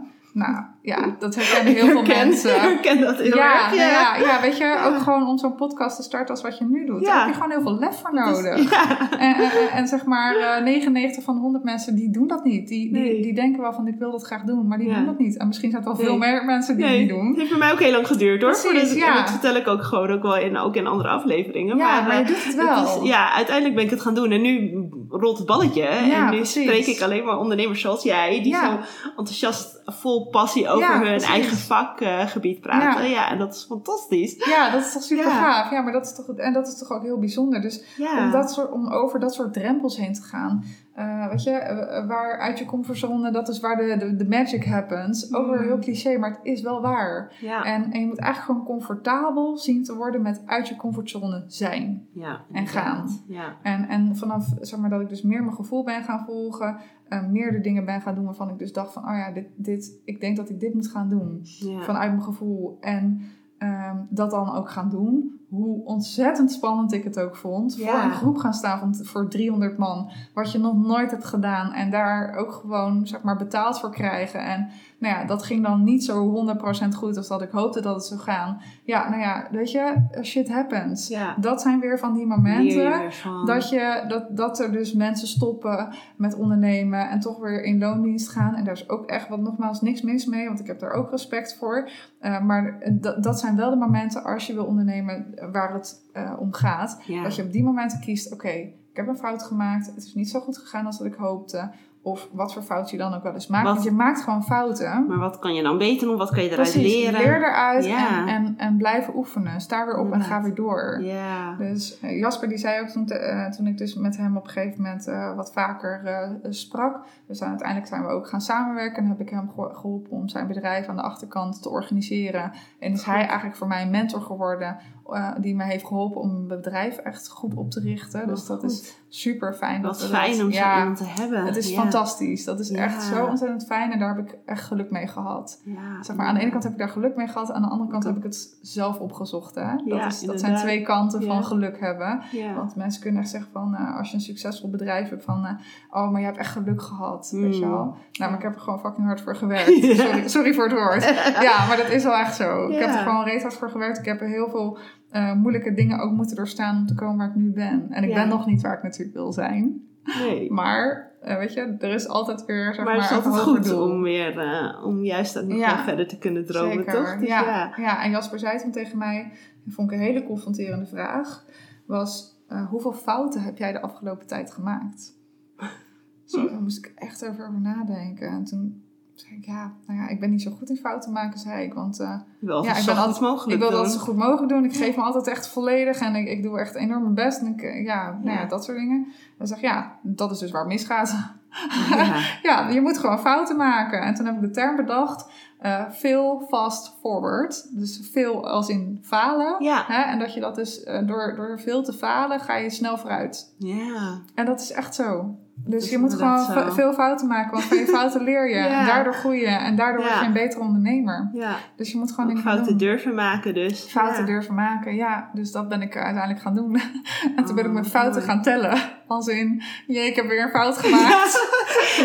ik heb weer wat geleerd. Ik heb weer wat geleerd. dat was echt niet altijd leuk, maar het was wel goed. Nee. Ja, dat is wel goed. Ja, daar ben ik heel blij mee. Oh, wat mooi. Ja. Mooi, mooi eh, compleet verhaal, zeg Ja, maar. ja. Ja. Ja, Ja, echt heel mooi om, eh, om dit zo te horen. En eh, hoe, je, hoe jij nu bent gekomen waar je nu staat. En dat het echt niet altijd even makkelijk is. nee, zeker niet. Maar dat eh, als je, waard. als, inderdaad, dat als je iets echt wil, Ja, Dat er altijd wegen zijn. Zeker. Inderdaad, bepaalde keuzes die je moet maken. Ja. bijvoorbeeld inderdaad heel eh, minimaal te leven. ja Om zeker. toch door te kunnen gaan. Ja, ja, als je je doel voor ogen hebt, dan kan je echt wel eh, datgene bereiken wat je wil. Klopt, ja. En soms dan heb je dus een aantal zijwegen nodig. Ja, En, en dat is dan misschien tijdelijk gewoon even, even dat dat dan op dat moment helpt. ja, En soms is het gewoon even heel erg zoeken van oké, hoe moet ik dan nu verder? ja, En je omgeving is daar gewoon een super belangrijk onderdeel in. ja. Want nou ja, net zoals wat ik net al vertelde, ik ben Ferdy ontzettend dankbaar voor de kans die, mij, die die mij heeft gegeven. En nou ja, nu eh, sta ik ook wel op het punt dat ik kan zeggen van ik kan je die kans ook teruggeven. ja. Dat hij ook gewoon eh, nou ja, nu eh, de, de kans heeft om te gaan kijken van oké, wat wil ik dan doen in het leven? Wat vind ik nou echt leuk? En, en zich daar verder in te ontwikkelen. Ja. Dus dat, is, dat vind ik dan Zou fijn. hij ook willen ondernemen? Eh, ja, hij, hij heeft altijd wel zeg maar dat idee. Ja. Ja. Ja, maar ja goed, dan moet je daar ook wel wat mee doen Ja, natuurlijk. inderdaad. Ja. En, eh, jouw zus is natuurlijk eh, ondernemer en haar man, Man ook. ook, Ja, daar ja. heb ik ontzettend veel respect voor. Ik Ja, vind dat- oh. ja, heel ook, hoor. spannend. Ja, Ja, dat is ja, ook- zeker. Ja. Ja, zo- ik natuurlijk ook heb gezien dat mijn ouders allebei ondernemers waren. Waarbij de, Ja. de zaak van mijn vader, nou, die ging dus net niet failliet toen hij nog in zijn, zijn beheer was. Maar Ja, toen hij eigenaar was. Maar de, degene die de zaak van hem toen heeft overgenomen, die is echt binnen paar weken failliet gegaan. En ook gewoon ondergedoken van de aardbodem verdwenen. Oh. Zodat hij onder schulden uitkwam. Dus daar hebben we ook nog heel veel shit van teruggekregen. Maar ehm, eh, ik heb toen gezien wat voor impact het heeft als, het, Ja. als dat dan misgaat. En. Nou ja, in, de toekomst wil ik ook wel een gezin starten. Ja. En, en dat vind ik dan toch wel ja, een enorm voor mij. Ik, ik, zeg maar, ik durf dat risico zelf niet zo snel aan. Dus ehm, het trainerswereld, zeg maar training geven, is best een economiegevoelige business. Hm, Uh, ja. ehm, aan de ene kant, is maar dat vind ik ook best een spannend onderdeel van, van het soort bedrijf wat ik heb. Ja. Uh, aan de ene kant blijven mensen natuurlijk problemen hebben met een mailbox. Ja. Ehm, uh, ook al voorzie ik, zeg maar, daar heb ik daar wel een idee over hoe dat in de toekomst anders gaat zijn. Want nou, er worden steeds meer chatprogramma's gebruikt, ook op de werkvloer. En Ja. ik zie daar ook wel echt een verschuiving van mail naar, naar chat, maar nog steeds Ja, organiseer je het al veel? Ja. ja, ja, ik zie daar wel, ik zie, ja, het, het is nog minimaal. Maar ik zie wel verschuiving dat mensen proberen een uitweg te vinden uit die mailbox. Alleen een chat, chat is daar niet een oplossing voor. Mm. Want er- dan, dan heb je nog steeds geen overzicht van wat er allemaal aan werk binnenkomt. Nee, Eh, dus daar, daar blijft nog steeds, een, zeg maar, je blijft een beetje hetzelfde probleem houden.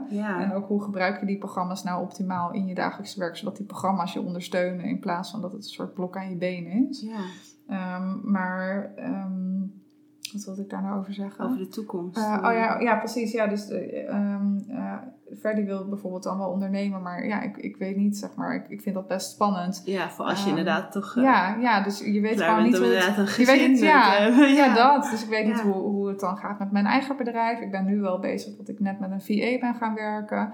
Dus eh, nu heb ik dan zelf een, een VA. Nou, dus dat, is ook wel, heel maar dat is natuurlijk ook best wel een spannende Ja. stap, toch? Of Ja, niet? Om- zeker, Om, ook ja. dingen ja, uit te echt te gaan besteden, uit te besteden, niet los alles te zelf.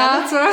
niet alles zelf te doen. Ja, ja, wel weer een leuk proces om iemand weer op te leiden. Om, Ja, om dingen nou, van mij over te daar nemen. ben ik dus natuurlijk dat, heel goed in. Ja, dus dat Ja. vind ik dan wel weer heel erg leuk. En ook, eh, ik help haar dan ook met haar VA-bedrijf verder opzetten. Ja, dus wat ik van Jasper allemaal heb geleerd. En, ik, en zeg maar, hij heeft ook veel tijd in mij gestoken en, en, ook andersom. Maar hij, hij heeft ook wel gezegd, ja, ik zei ook wel eens, weet je, wat is jouw drijfveer om mij zo te helpen? Ja. En toen heeft hij ook wel gezegd van, ja, ik geloof gewoon dat als we elkaar helpen in de wereld, dat de wereld een stukje mooier wordt. En dat Ja. geloof ik zeker. Ja, Dus ik vind het ook ook. gewoon mooi als ik dat ook weer kan doorgeven. Ja, ja dus dat, mooi. dat is heel mooi. En ja, nu, ik werk ook met nu een video-editor. Eh, daar werkte ik vorig jaar al mee. Dus die edit Leuk. dan eh, de video's. die Ja, want je bent heel heb. actief, hè? Ja. Qua video's ja, maken. Ja, zeker. Ja. Ja, ja, zeker. Ja. Dus dat is echt... Ja, eh, dus allerlei tips en zo zit jij in korte video's. En die zijn dan te klopt. vinden hè, op Ja, jouw ja, website ja. van mailboxmaster.nl. Ja, mailboxmaster.nl en, en op YouTube, YouTube, onder. Mailboxmaster. Ja, dus alles zit nu echt onder Mailboxmaster. Ja, dus als je iets van tips wilt,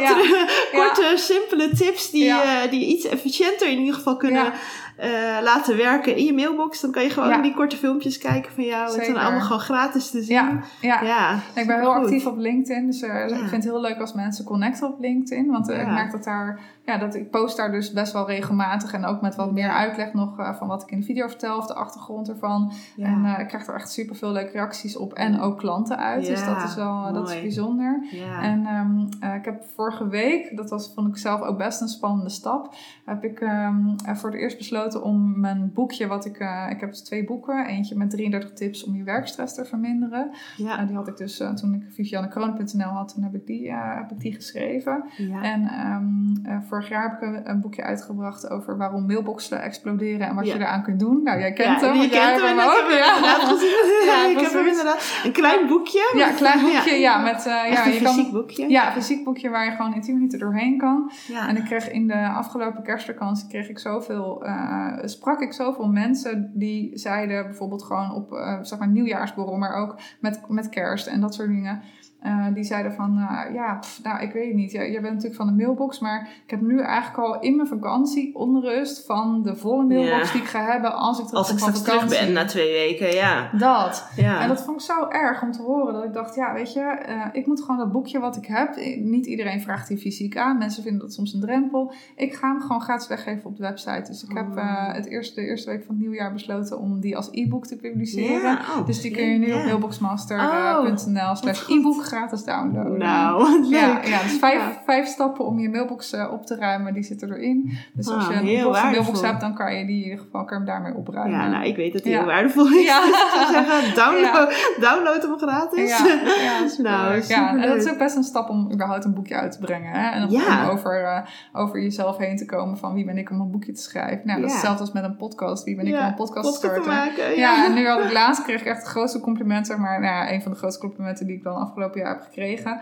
Eh, in eerste instantie kampte ik dus in het begin van mijn bedrijf heel erg met uitstelgedrag. En nu zei iemand tegen mij van... Wow, jij doet echt veel. Je hebt en video's en je geeft trainingen en je hebt een podcast. En je post best wel veel op LinkedIn en je hebt boeken. En holy shit, jij doet zoveel. En toen dacht ik, oh wauw, ja, ik doe nu echt veel. Echt veel, ja. dat dus je echt ook trots op. Ja, Ja, dat je het even, ook even realiseert hoeveel je wel niet doet. Ja, Ja, precies. en dat staat er natuurlijk niet zomaar. Maar nee, eh, zeker niet. Nee, Nee, heb je daar hard werk- voor gewerkt. Ja. Staat er nu wel. En nu ben jij de mailbox-expert.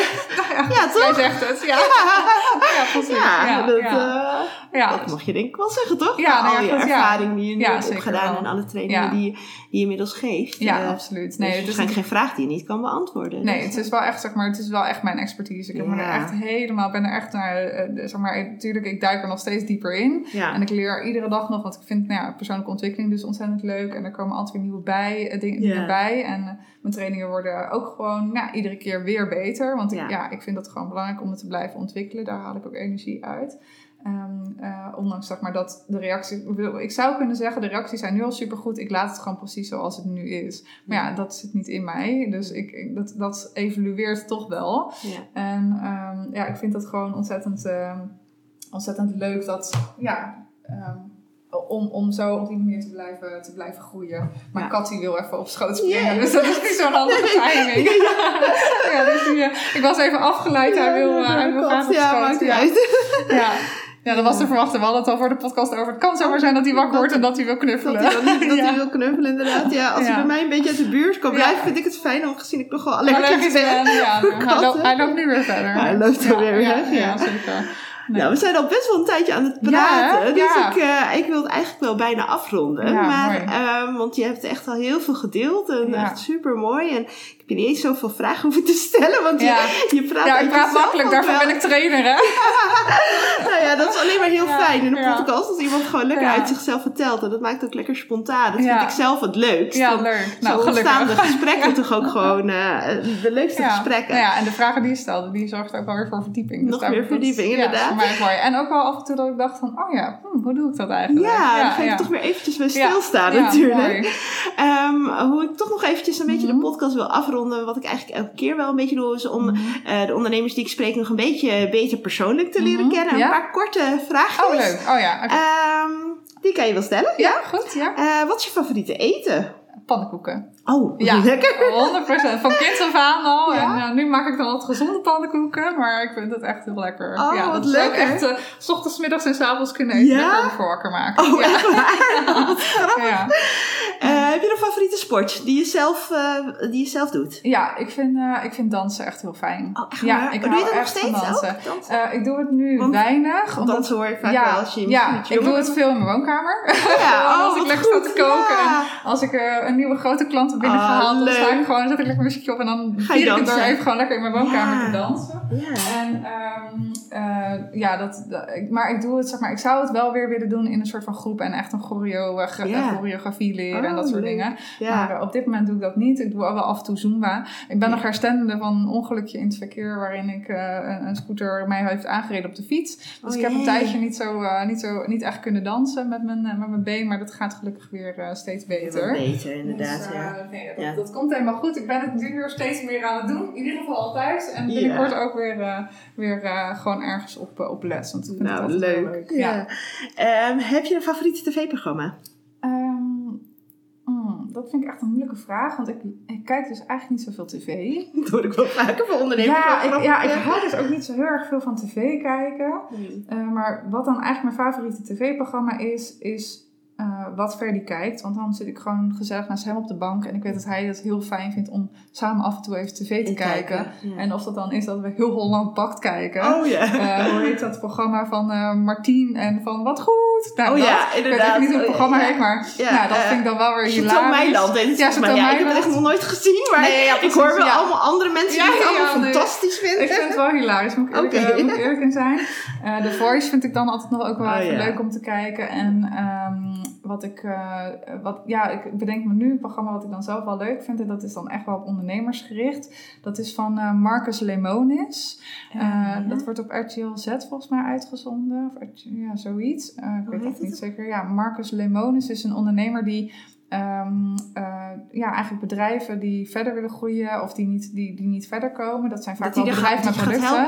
Dat hij gaat helpen. Oh ja, ja, oh, eigenlijk dat gaat hij hun ook mentoren en vaak koopt hij zichzelf ook in in het bedrijf. Oh ja, En dan, eh, ja, dat vond ik echt een Dat is fantastisch programma. gezien, En ja. ehm, eh, Undercover Boss, Oh ja. dat, dat soort dingen, ja, daar hou ik wel van. ja, inderdaad. dat, Ja, vind ik oh, ja, dat heb ik ook inderdaad. Dat kijk ik ook nog wel eens. Ja, Ja, dan zit ik ook af en toe met tranen als die mensen dan een bonus krijgen. En dan denk ik, oh ja, dat is mooi. Ja, kijk van.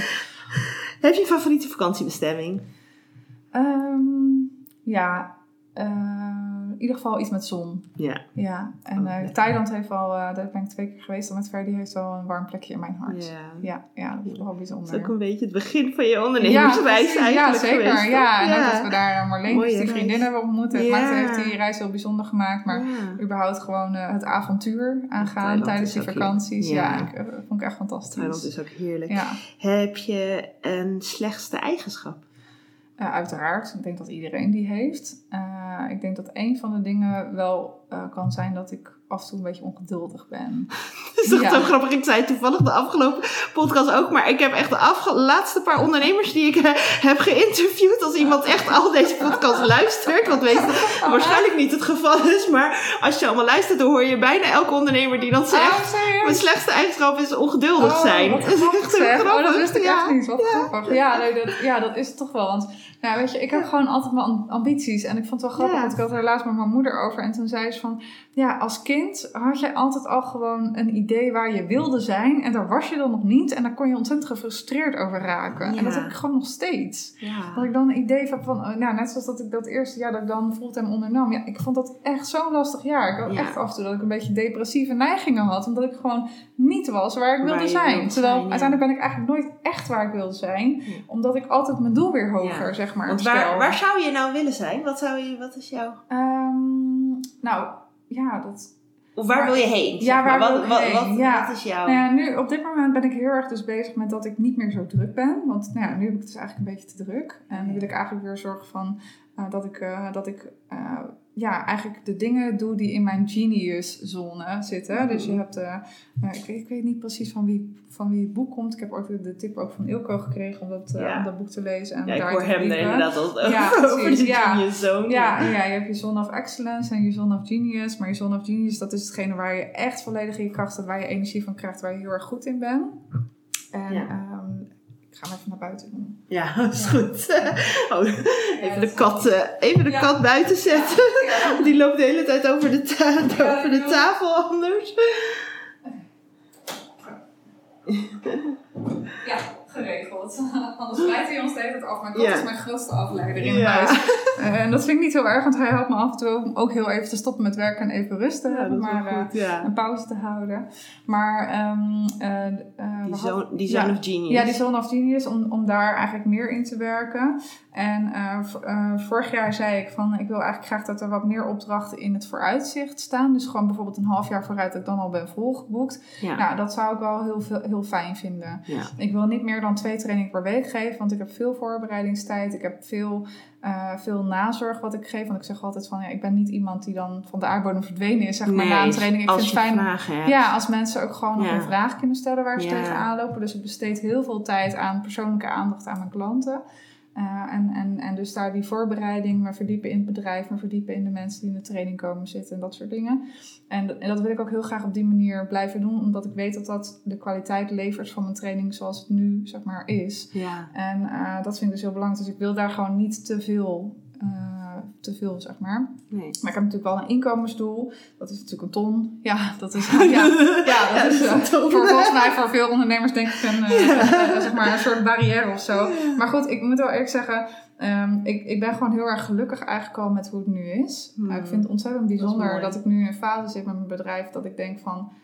Wauw, er staan echt al best wel veel dingen gepland. Dus Ja. ik ben nu eigenlijk al op het moment dat er best wel veel dingen vooruit gepland staan. Dat Uh, en dat ik daar dus nu een goede balans in vind van, uh, van voldoende dingetjes uitbesteden en echte dingen doen die, die ik moet doen en in mijn kracht staan. En, en daar ook weer een soort van mijn grenzen, hè, waar we het net al over hadden, in bewaken. Dat is toch wel, uh, ja, dat, dat is toch wel heel belangrijk nu. mooi. Ja. En wat nou jouw allergrootste wens of droom? Heel gezond, gelukkig zijn met hele lieve mensen om me heen. Oh. Ja, ja, en als ik later eh, oud en wijs in mijn schommelstoel zit, dat ik dan terugkijk op mijn leven en dat ik denk, ja, ik heb echt wat kunnen betekenen.